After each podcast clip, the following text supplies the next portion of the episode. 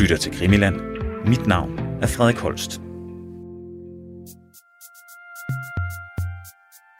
Velkommen til denne uges udgave af Krimilands sommerserie Palme Genbesøgt. Vi har igennem serien kigget på nogle nye aspekter af efterforskningen og også kigget på nogle af de ting, som den oprindelige Palmeserie også har beskæftiget sig med. Mit navn er Frederik Holst. Jeg er din vært, og jeg får igen i den her uge hjælp af historiker Anders Aarhus. Og i den her uge så graver vi lidt længere tilbage i historien. Ikke bare til efterforskningen, til mordet eller hvad Palme lavede på dagen for mordet, men tilbage til tiden længe før det. For det meste er både den tidligere Palme-serie og den her genbesøgt serie har fokuseret på Olof Palme fra 1986, altså efter mordet. Men i det her afsnit, så vil vi forsøge at danne os et billede af, ikke bare hvem Olof Palme var før sin død, men faktisk også, hvordan han blev til den, han var. Og derfor så tager vi her et kig på, hvad der var med til at forme Palme og hans vej til magten. Og inden vi starter på gennemgangen af Palmes liv fra barndom til titlen som statsminister, så har Anders Oris lige en undring. Du, vi kom til at tale lidt om, øh, at noget af det, der kunne være interessant, det er, um, om hans navn, det er sådan lidt, man kan slynge ud. Ligesom man siger Kennedy, så har de fleste en association parat. Eller hvis man siger Reagan, tror jeg, det går også, ja, Reagan går, går også, også an nu, og så videre. Men hvis man siger Olof Palme, Ja, det er jo det. Altså, om, man, om man kan sige Olof Palme til, til alle i Danmark, om, om det så, øh, om det så jamen, resonerer på samme måde som Kennedy, for det, det, Kennedy må man tænke, det ved alle, hvem er. Ja, altså, og der tror jeg i høj grad, det er selvfølgelig så sådan et generationsspørgsmål ja. simpelthen, at dem, der, øh, ja, som tommelfingerregel tror jeg, hvis man er født før 1975, så, så tror jeg, at de fleste, ja. om, om ikke andet, så har de fleste så oplevet som barn at øh, sidde og set de voksne til tv-avis, og, eller hørt om ham. Der er også mange. Jeg har lavet sådan nogle lidt små amatørundersøgelser af, hvor gammel man skal være for at kunne huske, at det skete, fordi det er helt åbenlyst noget, der sådan i historien har gjort indtryk på folk. Men jeg i hvert fald siger, at, at der er sådan, de, dem, der er gamle nok, kan huske befrielsen i 1945, så er der mange, der kan huske mordet på Kennedy, apropos i øvrigt. Mm. 11. september, og så inden sådan en periode midt imellem ligger mordet på Olof Palme. Det var jo i 86. Præcis. Og der de, alle jeg har mødt, der var sådan 10 år eller ældre, kan huske det. Nogen, nogen kan ovenikøbet huske præcis, hvor de var, da de fik det at vide, eller han blev myrdet en fredag aften, så der var rigtig mange, der hørte det i Danmark, i radioen om morgenen. Og så er der mange, der kan huske, lørdag den 1. marts 1986. Altså de kan huske, hvad de lavede den dag, fordi at de blev påvirket af noget, der kom udefra, som gjorde så stort indtryk på dem. Og så kan vi så fortsætte videre og sige, det er sådan, at der er nok også mange, der har det for eksempel den 11. september 2001, tror jeg. Altså det er det samme, det er sådan en dato, der printer sig i erindringen. Jeg har selv været meget spændt på det i forhold til øh, terrorangrebet i Oslo. Jeg, jeg er selv lidt i tvivl. Jeg, hvis jeg grænsker min hukommelse, så kan jeg ikke huske, hvor jeg var henne, da jeg fik det at vide. Jeg kan godt huske, at det skete selvfølgelig, men, men det er ikke sådan det er ikke noget, der har printet mig dybt i min erindring. Jeg kan huske, hvor jeg var henne, da jeg så hørte det i radioen, eller så det i fjernsynet, og læste om på internet. Det kan man ikke huske. Jeg var, jeg var i øh, USA, ja. og så Fox News. For jeg kan huske den der, at de så lige pludselig skifter fra islamisk terror, fordi det var de helt sikre på på Fox, mm. til Anders Bering Breivik. Ja. At det, var, det var interessant at se det skifte i, i nyhedsvinklingen. Mm. Øhm, og så apropos Palme, så, så det der jo selvfølgelig er interessant, det er, øh, som sagt i dag, hvis man ikke levede dengang, det vil sige, hvis man er født efter 1975, jeg er selv født i 1984, ja. så jeg kan jo god grund ikke huske det. Øh, men har beskæftiget mig med det alligevel. Men hvis man nu er født i 1994, eller 2004 for den sags skyld, så kan det, ved man så, hvem Olof Palme er. Ja. ja det er jo det, hvor langt det strækker, hvor langt det strækker frem. Ja. Fordi jeg tænker, hvis man snakker med en en 20-årig i dag, mm. vil de nok godt kunne nævne, hvem Kennedy var. Det tror jeg også, at, øh, at det er noget, der har gjort indtryk. Ja, men... Øh, men, men Palme, nu kan jeg komme med mit bud. Det tror jeg ikke. Jeg tror ikke, at man ved, hvem man er. Måske har man læst en, øh, en avisartikel om mordet. Det kan sagtens tænkes. Men kan man forklare, hvem Olof Palme var som historisk person? Jeg tror, begynder at gå hold, hvis man bare ved, at han var svensk statsminister gennem mange år, for eksempel. Det tror jeg, det, det tror jeg, det er de færreste, der ved det. Men det skal, Ja. vi, lad os, skal vi forsøge at råde bod på det. Det skal vi. Så som Anders så præcist siger, så vil vi i det her program forsøge at rode bod på de huller, som vi alle sammen har i vores viden om, hvordan Olof Palme blev til Olof Palme. Palme var født i 27, 1927, og blev så myrdet i 1986.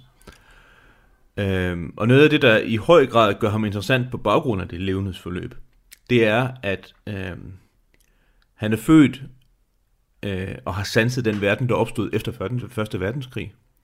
Oplever 2. verdenskrig og bliver i høj grad politisk formet af 2. verdenskrig, og har så hele sin politiske karriere inden for rammerne af den kolde krig.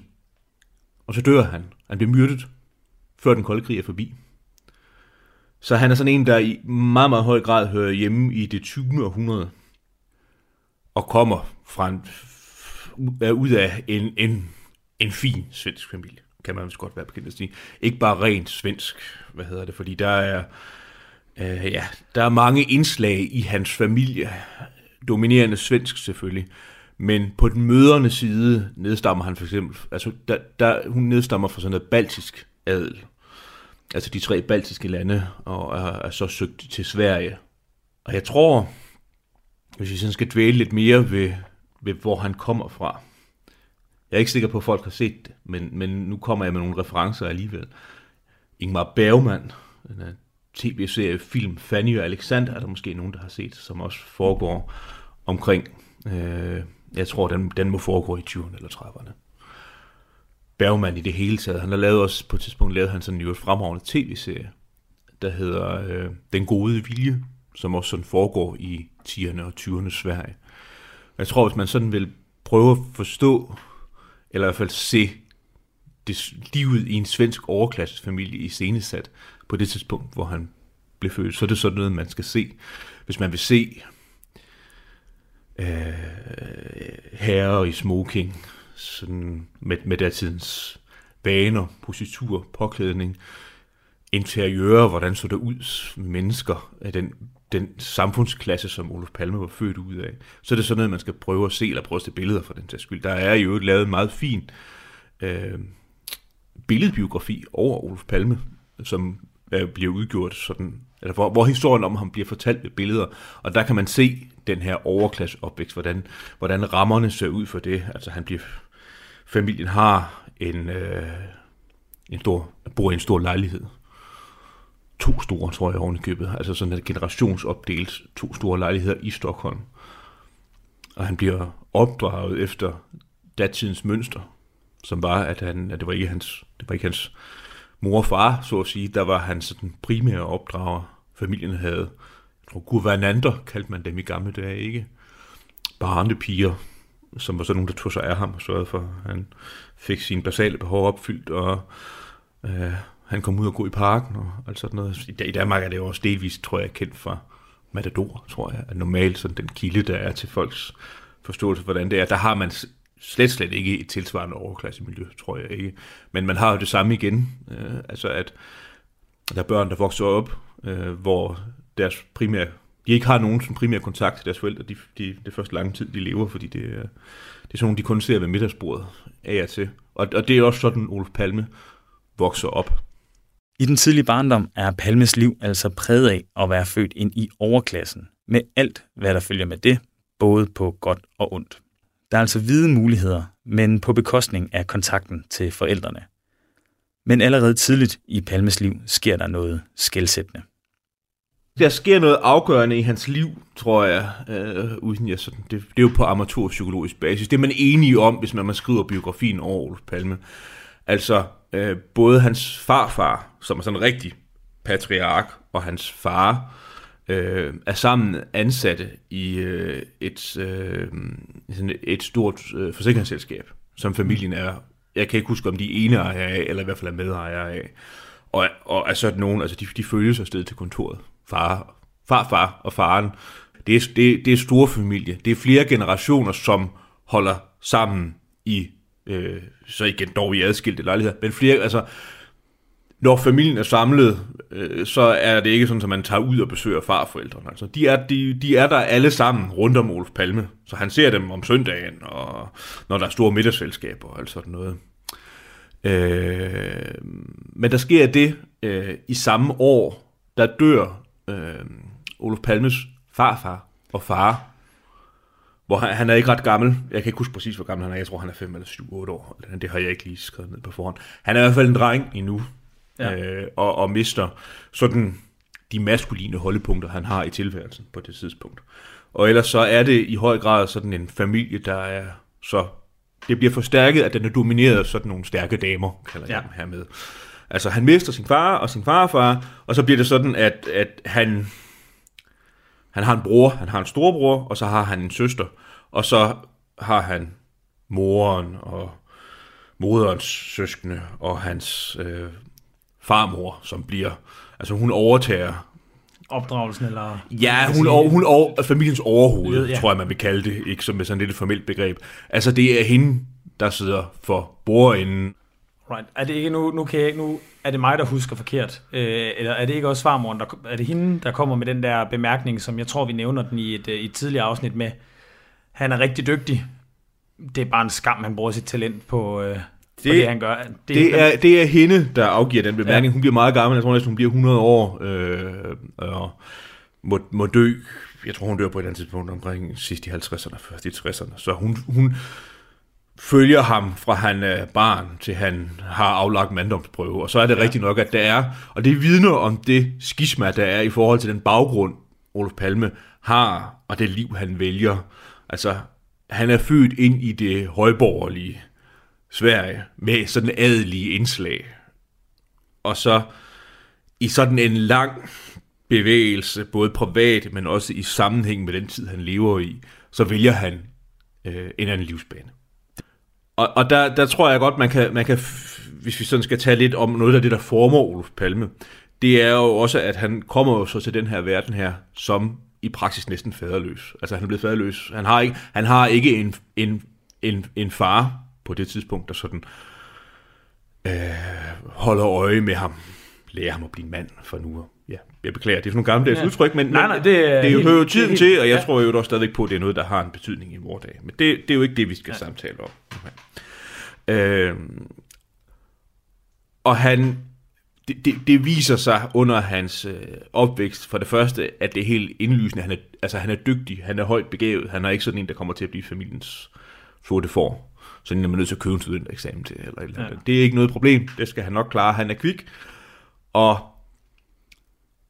han er også en, altså han er sådan en fighter, viser det sig så. Altså måske lidt i forlængelse af, at han har haft den her hårde oplevelse i sin opvækst, og må leve med den, så er han sådan en, der øh, kæmper i alle livets forhold. Der er alle mulige, jeg tror, den mest illustrative historie, der er om det, det er, at han han spiller, øh, jeg, kan, jeg tror det er ishockey, det er også lige meget, ja. men han spiller, han spiller i hvert fald sådan en, en, en, en, en, en kontaktsport, en hård kontaktsport, og Olof Palme er ikke, han er ikke, han er ikke stor. Han er ikke stor, han er ikke Nej. to meter høj, han er ikke sådan en muskuløs type, men han, der er masser af vidnesbyrd fra hans skolekammerater om, at øh, at det går han op i med liv og sjæl, og han kæmper, han lader sig ikke øh, styre af, eller holde nede af, at han ikke er sådan en hertebred type. Der bliver gået til. Ja. Og, og det er også et karaktertræk, som kommer til at, at, at drive ham hele livet igennem. Det, det er det her med den begavelsen og målrettigheden. Storfamilien Palme, der lever sammen på tværs af generationer, mister altså inden for bare et år begge de mandlige overhoveder i familien, da både hans far og farfar går bort. Rollen som overhoved i familien overtager farmoren og sørger for, at alle får opfyldt deres behov. Altså, han, han uddanner sig, han aflægger militærtjeneste, og bliver også officer, og får fra, allerede fra da han er omkring 20 år, får han kontakt med militær kredse. Altså han, udover at han aflægger sådan værnepligtstjeneste, så som led i, han er officer, så er han også sådan en, der får skrivebordsopgaver som officer. Mm. Øh, Øh, jeg, jeg kan det ikke helt i, detaljer, men man ved for eksempel, at han er sådan en, der får øh, oplæring i øh, øh, indhentning af efterretninger, for eksempel. Altså okay. ikke bare sådan med at håndtere et, øh, et gevær og gå i takt og skrive breve under og sådan noget. Og, men, logis- og logistik og sådan noget, ja. øh, hvad men, kan man sige, som alle ville kunne gøre. Ja, Men, men man lærer ham også sådan finere militær ja. teknik, og øh, øh, der er sådan en bred enighed om, han er dygtig. Altså, han er, han er en øh, dygtig mand, der på et tidspunkt også er under overvejelse til, om han skal blive, øh, altså sin karriere skal ligge inden for militæret ja. simpelthen. Men det er ikke det, han, det er ikke det, han sådan umiddelbart vil.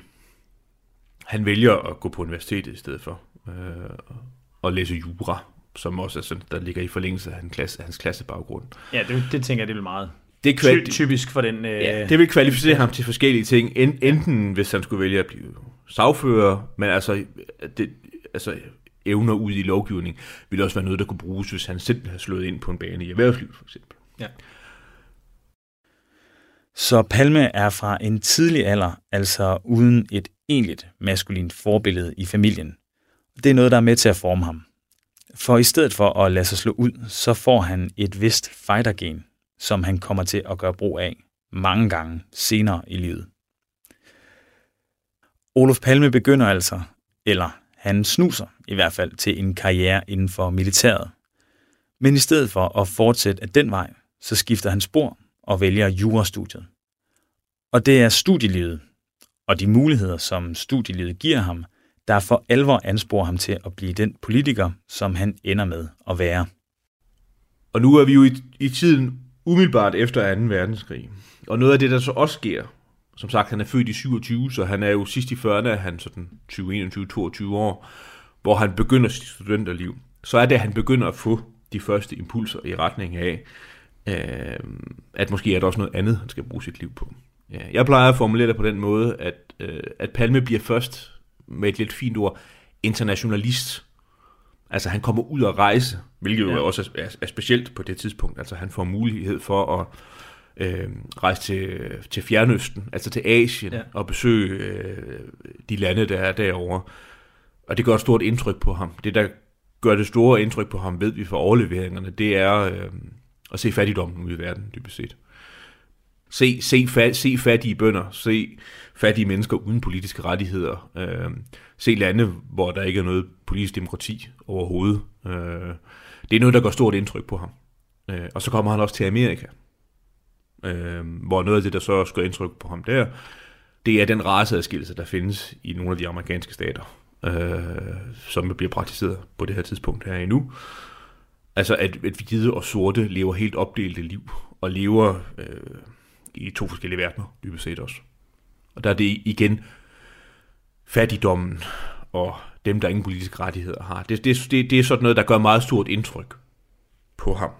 Og det, ja, det kan, kan jeg jo godt forstå, ja, det at, det gør, forstå, det gør. Øh, at, at, at det gør det.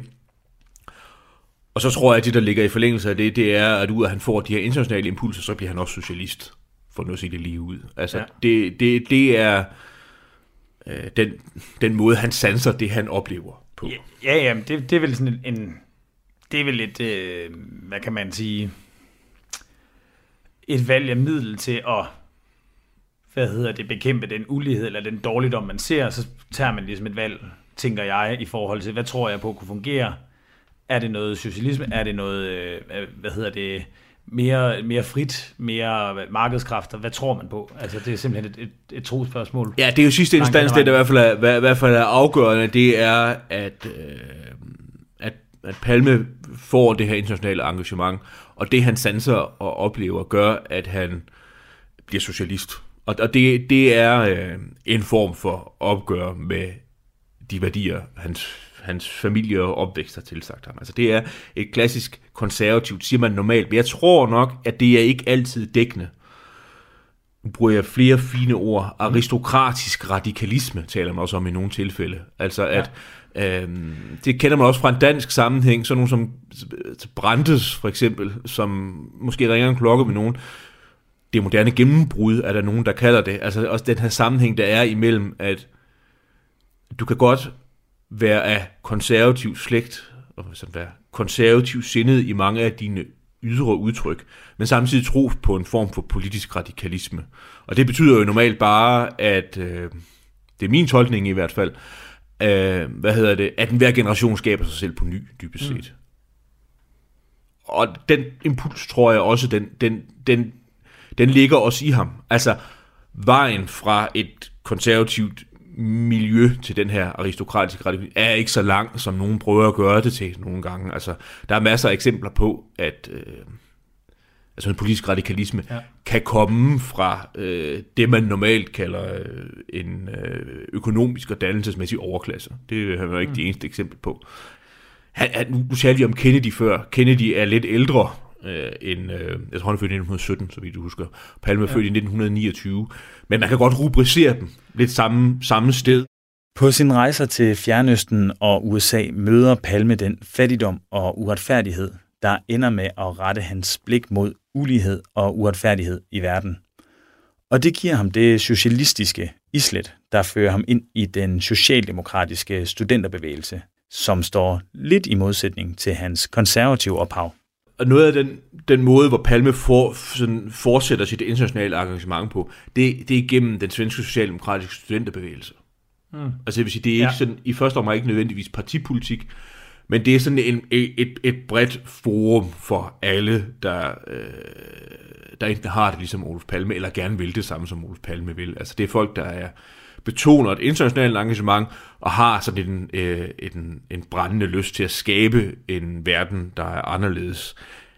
Det ligger i høj grad i tiden, det her med, der er sådan et brud med efter 2. verdenskrig, et, et stort civilisatorisk chok, som skaber den her impuls hos en, øh, den yngre generation. Øh, og der Palme oplever mange spændende ting. Jeg, vi, jeg tænker, vi kan sådan tage to fra ja. bunken, som er oplagte. De, og de knytter sig begge slog til Tjekoslovakiet i sidst i 40'erne, hvor Palme som bekendt jo er en ung mand, først i 20'erne. Den ene interessante ting, som knytter an til Tjekoslovakiet, som han oplever, det er, at øh, det kommunistiske parti øh, kubber sig jo til magten i Tjekoslovakiet i sådan en længere bevægelse over 1947-48. Øh, og der er stadig, altså stadigvæk nogle internationale delegationer, der får mulighed for at komme til Tjekoslovakiet og debattere, hvilken vej Tjekoslovakiet skal slå ind på. Øh, og Olof Palme deltager ved en af de, en af de kongresser, hvor han øh, mildest talt sådan udtaler sig kritisk over for den vej, Tjekoslovakiet er ved at slå ind på. Altså, at at det kommunistiske parti igennem sådan nogle kublignende metoder, vold og trusler og intimidering, vil overtage magten i Tjekoslovakiet. Hvor fra Palmes position skal Tjekoslovakiet jo fortsat være et liberalt demokrati, altså der skal være frie valg, der skal ikke være, det skal ikke være en etpartistat. Og der fortæller han, at, at det er meget bevidstgørende for ham at opleve, hvordan og hvorledes, at de her kommunistiske dækorganisationer, som deltager ved de kongresser, han øh, deltager ved i Tjekoslovakiet, øh, ikke bruger argumenter, men altså bruger samme intimiderende fasong. Når han står og protesterer fra talerstolen, og man kappes med ord, så råber den kommunistiske delegation, det er sådan noget råbetager og mødetager, råber Stalin, Stalin, Stalin, Stalin og så videre, forsøger at afbryde det her, det, og det gør et stort indtryk på ham. Og han offrer også sådan helt sådan personligt bringer han ofre for at hjælpe folk ud af det kommunistiske Tjekoslovakiet. Øh, Olof Palme indgår, øh, og der findes vist ikke andre ord for det, en, et skinægteskab med en kvinde fra Tjekoslovakiet, mm. som han, øh, jeg tror, de var de var nære venner, skal vi kalde det det.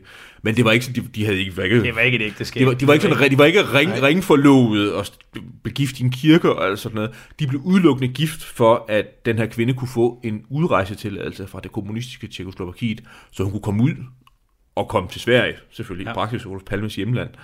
Øh, og lige så snart hun var kommet ud, og alt var i orden, papirerne var i orden, og sådan så, så åbenbarede det sig, at det var et skinægteskab, og de blev skilt igen. Øh, hun blev ved med at høre til familiens bekendtskabskreds, mm. altså, men det var sådan helt, helt personligt, at han øh, så offrede sig for hjælp, meget konkret hjælp et medmenneske.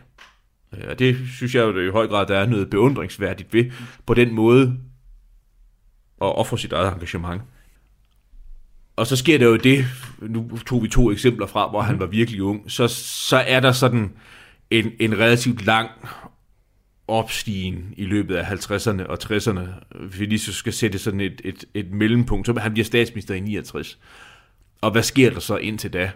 Altså der sker det, at han udvikler sig til en politiker. Ja. Øhm, han, han får ansættelse ved Tage Erlander, som er Sveriges socialdemokratiske statsminister. Han var blevet statsminister i 46, og er det indtil Palme bliver statsminister i 69. Palme afløser ham. Det er også bare nogle statsminister, der sidder i lang tid. Det må man I sige. Sverige, det er godt nok, øh, Øh, Sveriges længste statsminister Ja. ja. plejede man spøne at, at kalde ham i Sverige, fordi at han sad så længe, og så var han også, jeg tror, han var næsten to meter høj. Den socialdemokratiske studenterbevægelse fører altså Palme ud i verden. Blandt andet til Tjekoslovakiet, hvor han oplever, hvordan kommunister forsøger at afbryde politiske møder.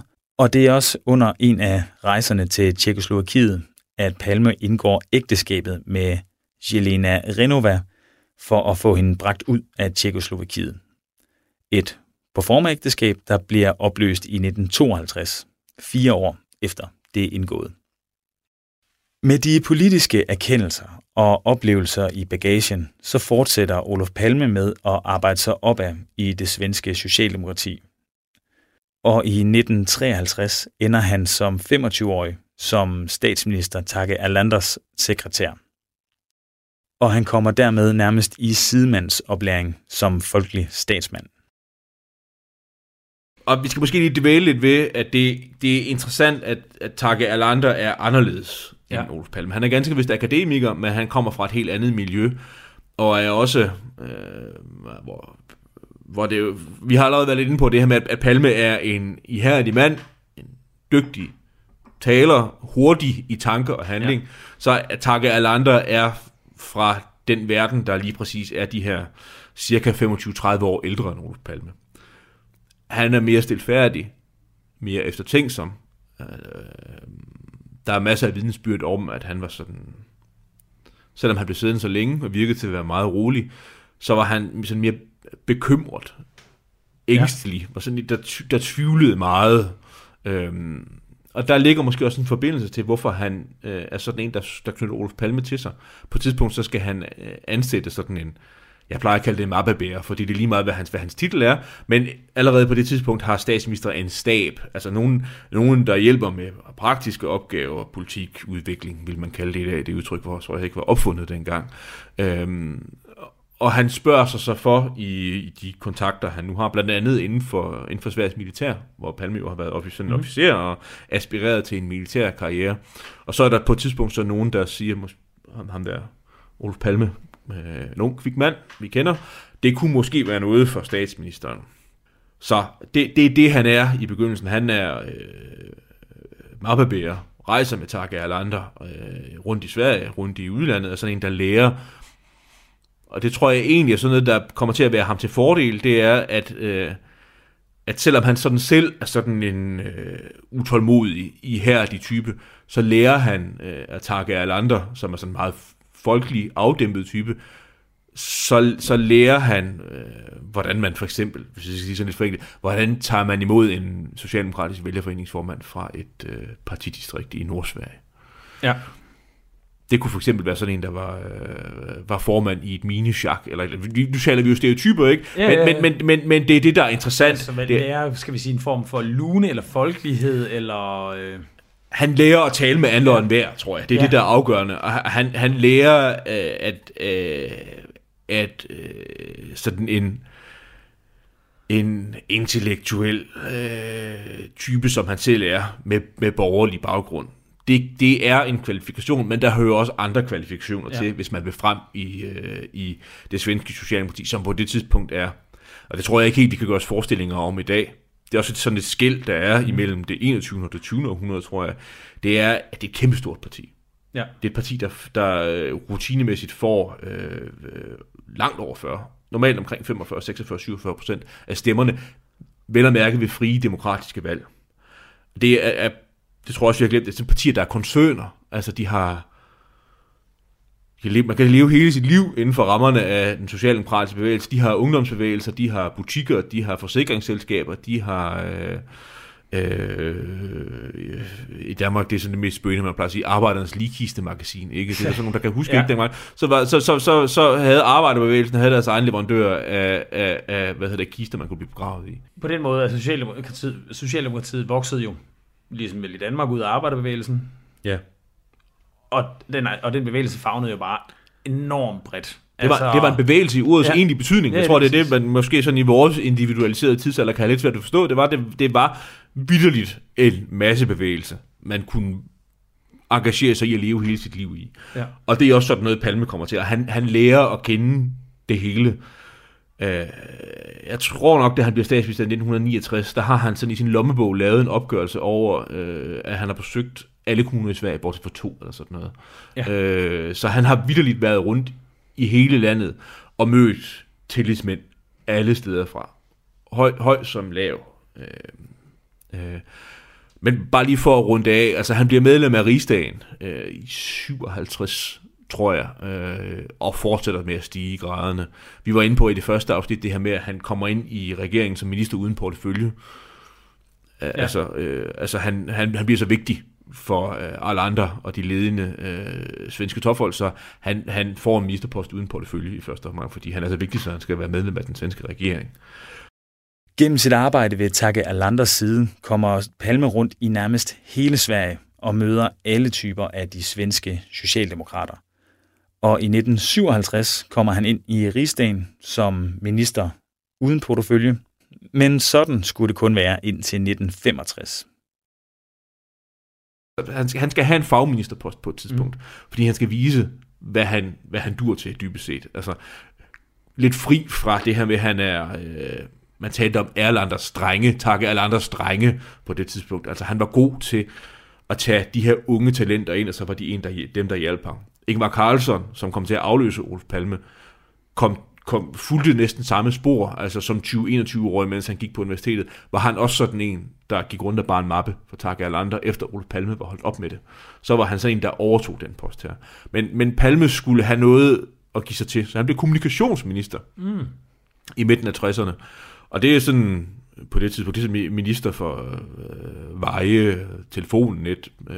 Altså en infrastruktur. Og, Ja, ja, det tror jeg, man kalder infrastrukturminister. Ja. Det tror jeg, det vil man nok kalde det i dag. Men sådan en, altså han, han, han, han får ansvaret for veje, postvæsen, kommunikations øh, tjenester. Øh, øh.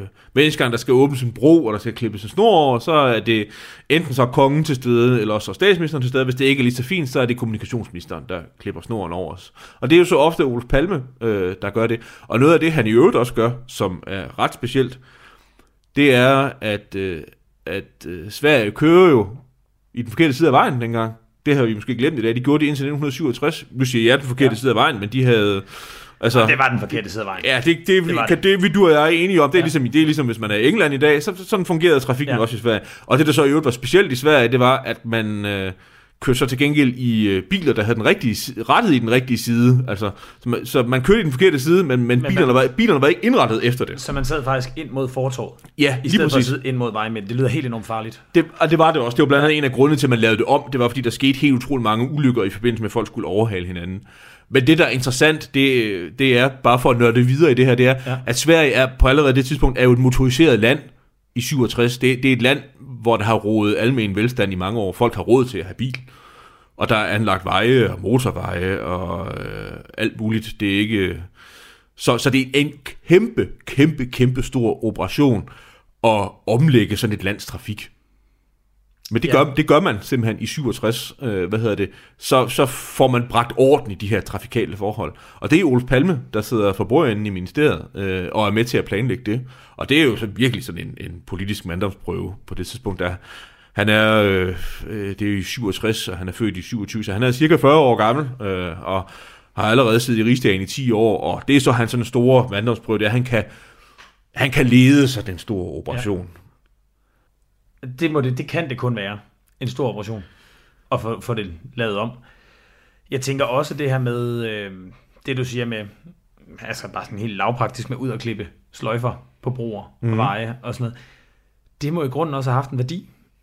Altså sådan branding-wise.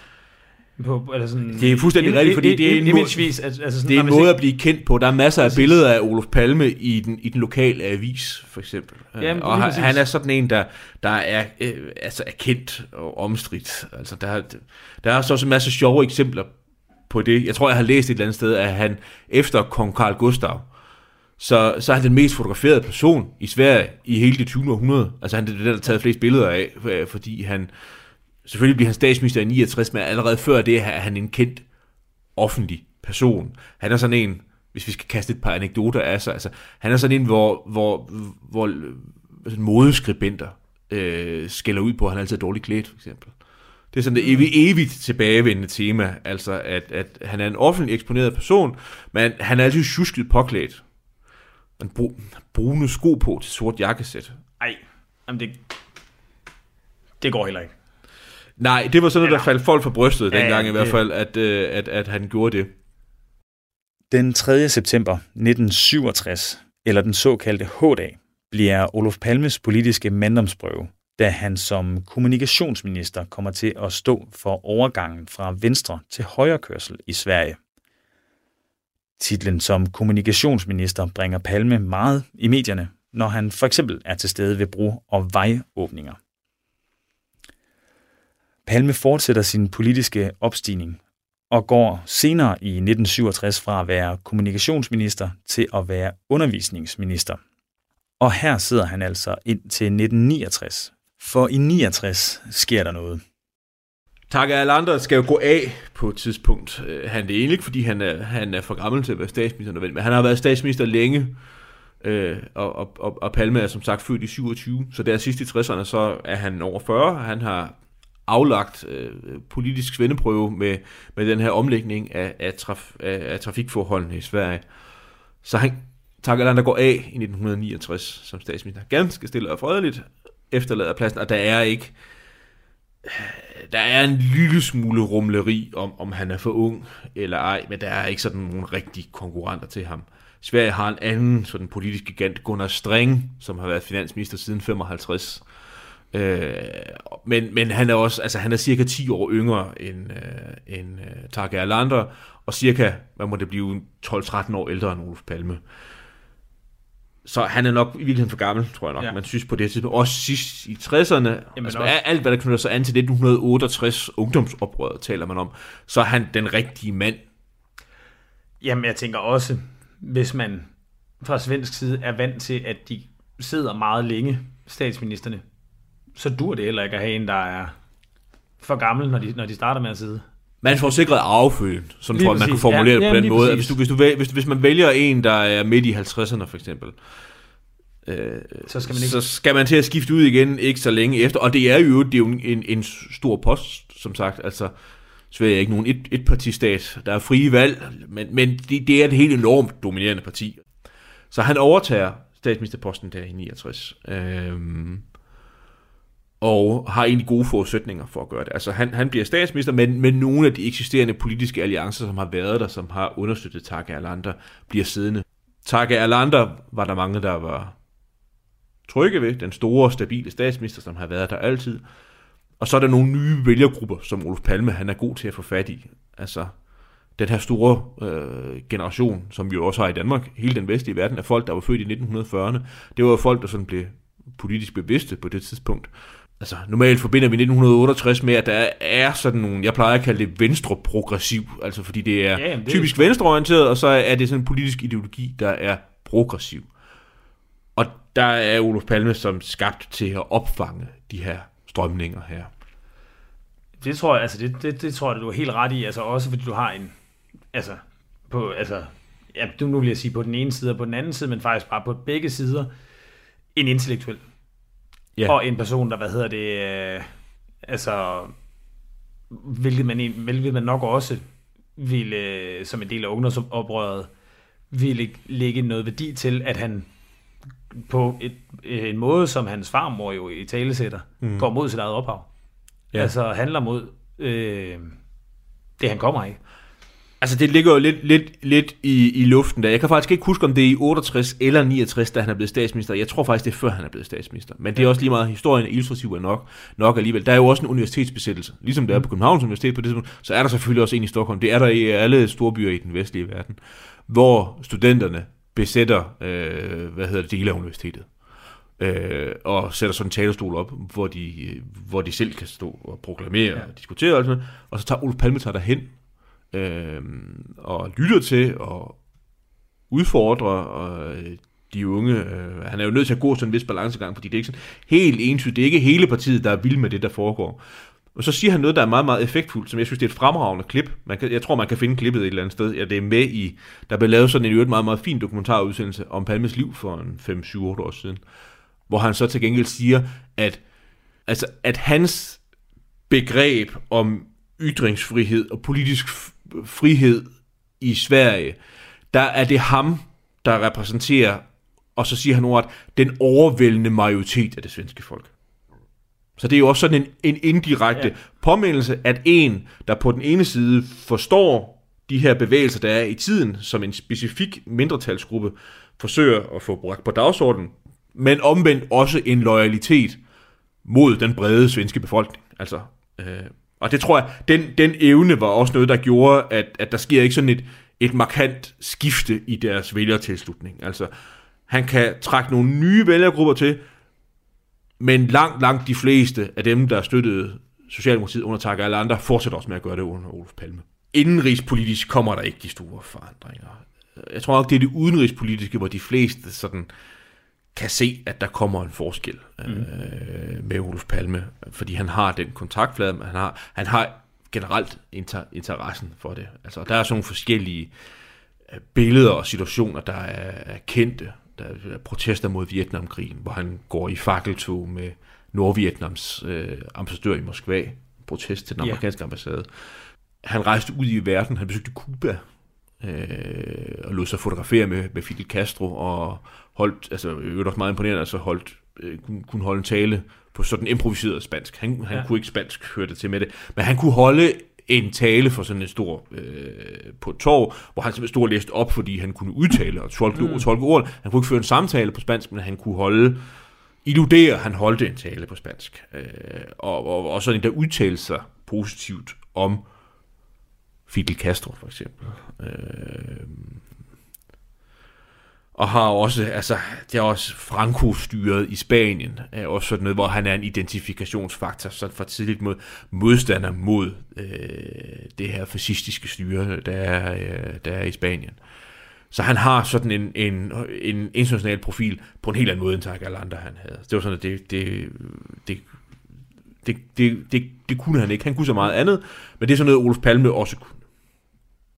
Olof Palme overtager statsministerposten fra Tage Alander i en alder af 42 år, da hans relativt unge alder gør ham mere attraktiv til posten, da han kunne sidde længere tid end for eksempel Gunnar Streng, der er 62 år gammel i 1969.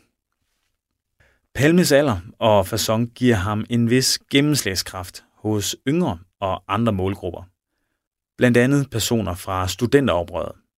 En bevægelse, som han forstår at gå i møde uden at underkaste sig. Som for eksempel, da han som undervisningsminister holdt tale ved en universitetsbesættelse i Stockholm. På samme måde som hans øje for international uretfærdighed også tiltalte nogle vælgergrupper. Og så bliver han, der, der skal være, der, der er valg i, øh, i Sverige, i, det var tredje år på det her tidspunkt her, så han, han bliver siddende overlever valgene i 70 øh, og 73, der sker noget lidt specielt ved valget i 73, sådan virkelig for nørderne. Det er, at man har gennemført en grundlovsreform i Sverige på det tidspunkt her. Og øh, så har man fastsat størrelsen på den svenske rigsdag.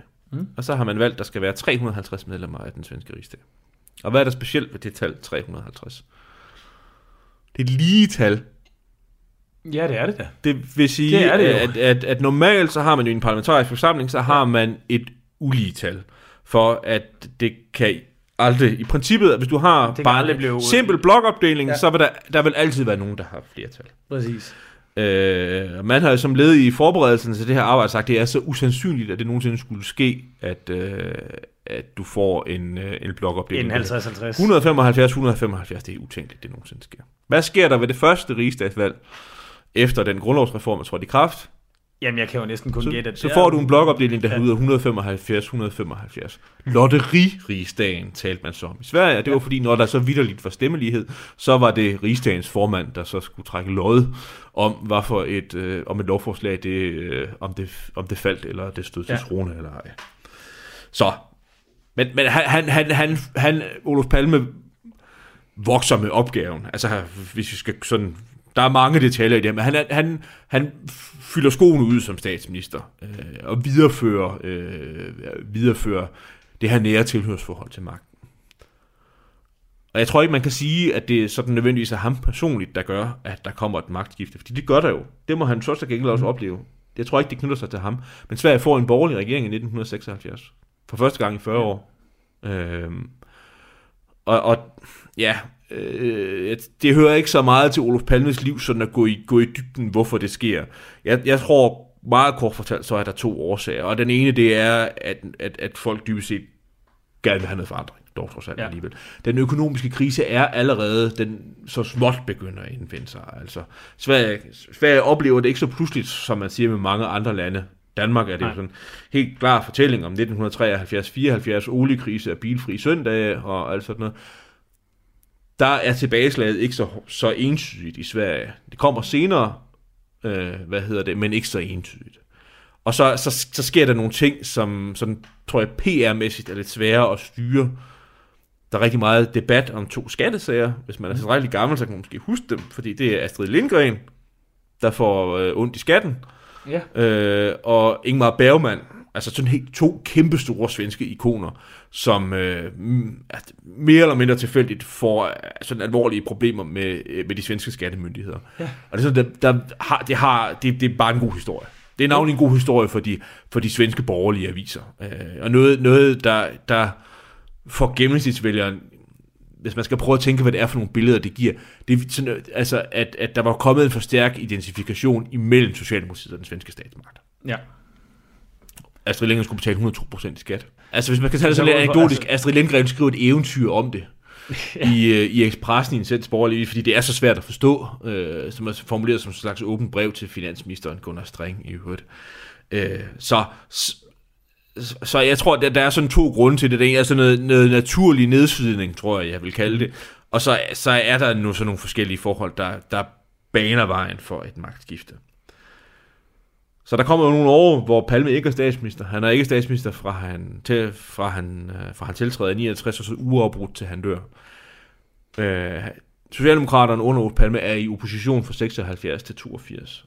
Ja. Øh, hvor Palme egentlig bruger tiden mest til at fortsætte det internationale engagement, han har. Altså selvfølgelig er han leder af oppositionen, statsministerkandidat. Øh, de fleste er nok enige om, at man ikke, altså der i 76, man har ikke set det sidste til ham. Nej. Spørgsmålet er bare, hvornår han kommer tilbage igen, øh, og hvor længe de borgerlige de bliver siddende. Og der er det forskellige ting, han foretager sig. Øh, det, han, at de mest kendte det er blandt andet, at han bliver FN's maler i krigen mellem Iran og Irak fra 1980. Altså, hvor han er sådan en, en international profileret politiker, som man kan få to krigsførende parter til at have sådan en rimelig tillid til. Og han kaster sig over sådan noget forskelligt kommissionsarbejde.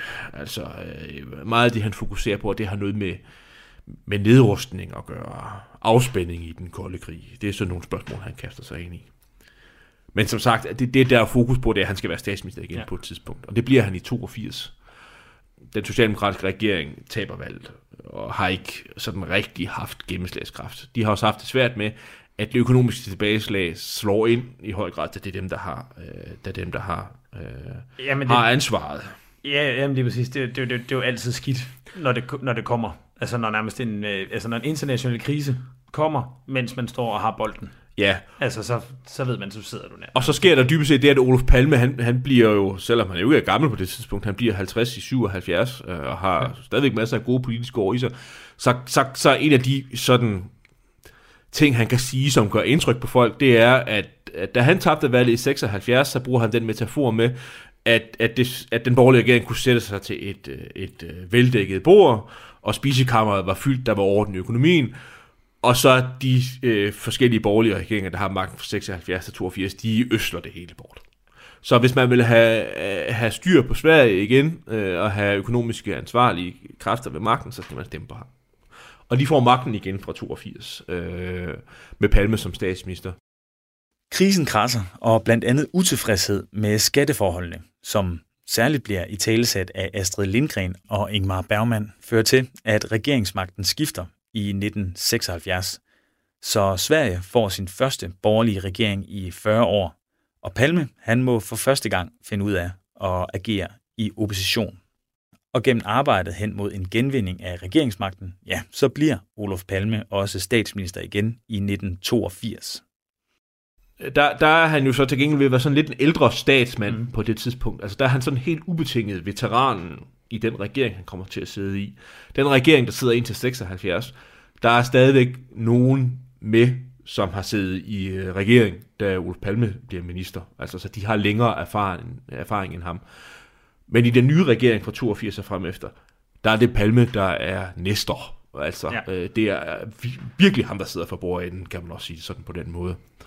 Øhm, og det, det, jeg tror, der er mest specielt, så også i den periode, det er, at, at der er, at den her 68-bevægelse er jo trængt i defensiven i det meste af verden. Altså man plejer gerne at sige sådan generelt, at altså, Thatcher bliver premierminister i England i 79, øh, Reagan bliver amerikansk præsident i 80-81, og der sker også noget i Danmark, hvis vi skal blive ja. vores egne referencer, der er det jo også sådan så, at, at socialdemokratiske regeringer, der har siddet i mange år, der kommer der en borgerlig regering til. Og i Sverige sker der så til gengæld det, at det er en borgerlig regering, der går af, men en socialdemokratisk regering, der kommer til. Men den er jo underlagt samme virkelighed som alle mulige andre. Altså at øh, man begynder at føre en ny økonomisk politik, øh, også i Sverige øh, på det tidspunkt. Altså, øh, det, jeg, jeg er ikke sådan økonom i den forstand, men, men, men det, det man jo siger, det er, at man, man, man begynder typisk at... Øh, altså Socialdemokraterne bliver også nogen, der begynder at referere, reformere velfærdsstaten, for ja. eksempel. Øh, øh, man begynder at ændre på den, den måde, man skattesystemet er skruet sammen på. Øh, øh, økonomiske, sådan hele taget regulering af økonomien, hvor det sådan noget, hvor, hvor det i høj grad har været helt, helt kom il få i den socialdemokratiske bevægelse, at man sådan har haft øh, staten har spillet en stor rolle i økonomien. Det er sådan noget, der, der begynder at blive trængt tilbage. Øh, Socialdemokratiet begynder at appellere, appellere til nogle nye folk, også i kraft af nogle af dem, man har nu. En 80'er stereotyp, det er sådan noget med, med jubierne for eksempel, hvis der ja. nogen, kan huske dem. Sådan, øh, unge, succesrige reværsfolk, børsmæler og alt sådan noget. Og der, der, der fører man også, mens Palme er, er, er statsminister, nogle kampagner i retning af, sådan avisannoncer, hvor der er et billede af sådan øh, en, øh, en børsmæler-type i sin bil, hvor der så står, jeg stemmer på Socialdemokratiet, fordi jeg vil have orden i Sveriges økonomi. Og det er jo, det er jo sådan en, lidt nogle nye toner. Øhm, og der, der tror jeg nok, det er meget dobbelt. Nu begynder vi at nærme os der, hvor Palmes livsbane bliver, bliver afbrudt. Og det ligger jo uden for det, ja. vi skal tale om nu. Men, men, men på den ene side, så har han sådan tilstrækkeligt meget magtinstinkt til at forstå, at, at, at det, den virkelighed skal Socialdemokraterne selvfølgelig også tale ind i. Men der ligger også noget i forhold til, at han sådan helt entydigt øh, befinder sig i en verden, der, der ligger før det. Ja. Altså man skal sige det sådan lidt, lidt for simpelt, så han har svært ved at forstå det. Så det er sådan noget, han i høj grad overlader til hans finansminister, Kjell Olof Feldt, som jo, der jo er jævnaldrende med, mm-hmm. med Palme, han er et par år yngre, hvor han sådan er i høj grad, hvor er en af dem, der er dygtig til øh, at få de her impulser fra udlandet ind i Sverige. En ny økonomisk politik, en ny måde at føre erhvervspolitik. Det, det, det er ham, der står for den afdeling. Palme sidder for bordenden, og så noget af det, han fortsætter med indtil hans dødsdato, det er hele det internationale engagement. Altså, øh, han er i praksis, så er han næsten statsminister og udenrigsminister ja. på samme tid. Altså, øh, og, og, og, og, og der skal være valg igen i 85, og der, der bliver regeringen øh, genvalgt. Altså, der er fortsat ja. tillid til Palme, og nu bevæger vi os på den anden side af hans død, men, men de folk, der har forstand på sådan noget, øh, Henrik Berggren, øh, Olof Palmes meget, meget dygtig biografist, jo, som har skrevet en meget fin biografi, der er oversat til dansk også, aristokraten, der blev socialist, var sådan en, der, hvis man skal spekulere kontrafaktisk i det, så var han slet ikke ved afslutningen af hans politiske livsbane. Han havde formentlig... Øh, måske, havde, måske havde de ikke vundet valget i 88, det ved man ikke. Men hvis han havde fortsat, så havde han stadigvæk været Socialdemokratiets øh, partileder og statsministerkandidat indtil begyndelsen af 1990'erne. Så han, han var på, stadigvæk på, på toppen af sin livsbane, ja. da han så bliver myrdet. Palme er mellem regeringsperioderne gået fra at være den unge statsminister til at være en ældre socialdemokratisk næster. Men på trods af sin alder, så holder Palme sig ikke tilbage med at omforme den økonomiske politik for at kunne tale ind i den nye virkelighed. Og han har da også indsigt nok til at overlade en del af udformningen af den økonomiske politik til en smule yngre kræfter. Kjell Olof Feldt. Men gennem hele livet så opretholder Olof Palme sit internationale engagement. Og det er også noget af det, der har bragt hans navn og nyheden om hans død langt ud i verden. Det var, hvad vi havde plads til i denne uges udgave af Krimilands sommerserie Palme Genbesøgt. Mit navn er Frederik Holst, jeg er din vært, og jeg har endnu en gang fået hjælp af historiker Anders Aarhus til at kigge nærmere på Olof Palmes liv og død. Hvis du vil høre den tidligere Palme-serie eller nogle af de andre Krimiland-serier, så kan du finde dem på radio4.dk eller i vores app. Ligesom du også kan lytte til alle de sendte afsnit af den her serie. Krimiland er produceret af Wingman Media for Radio 4. Tak for i dag, og tak fordi du lyttede med.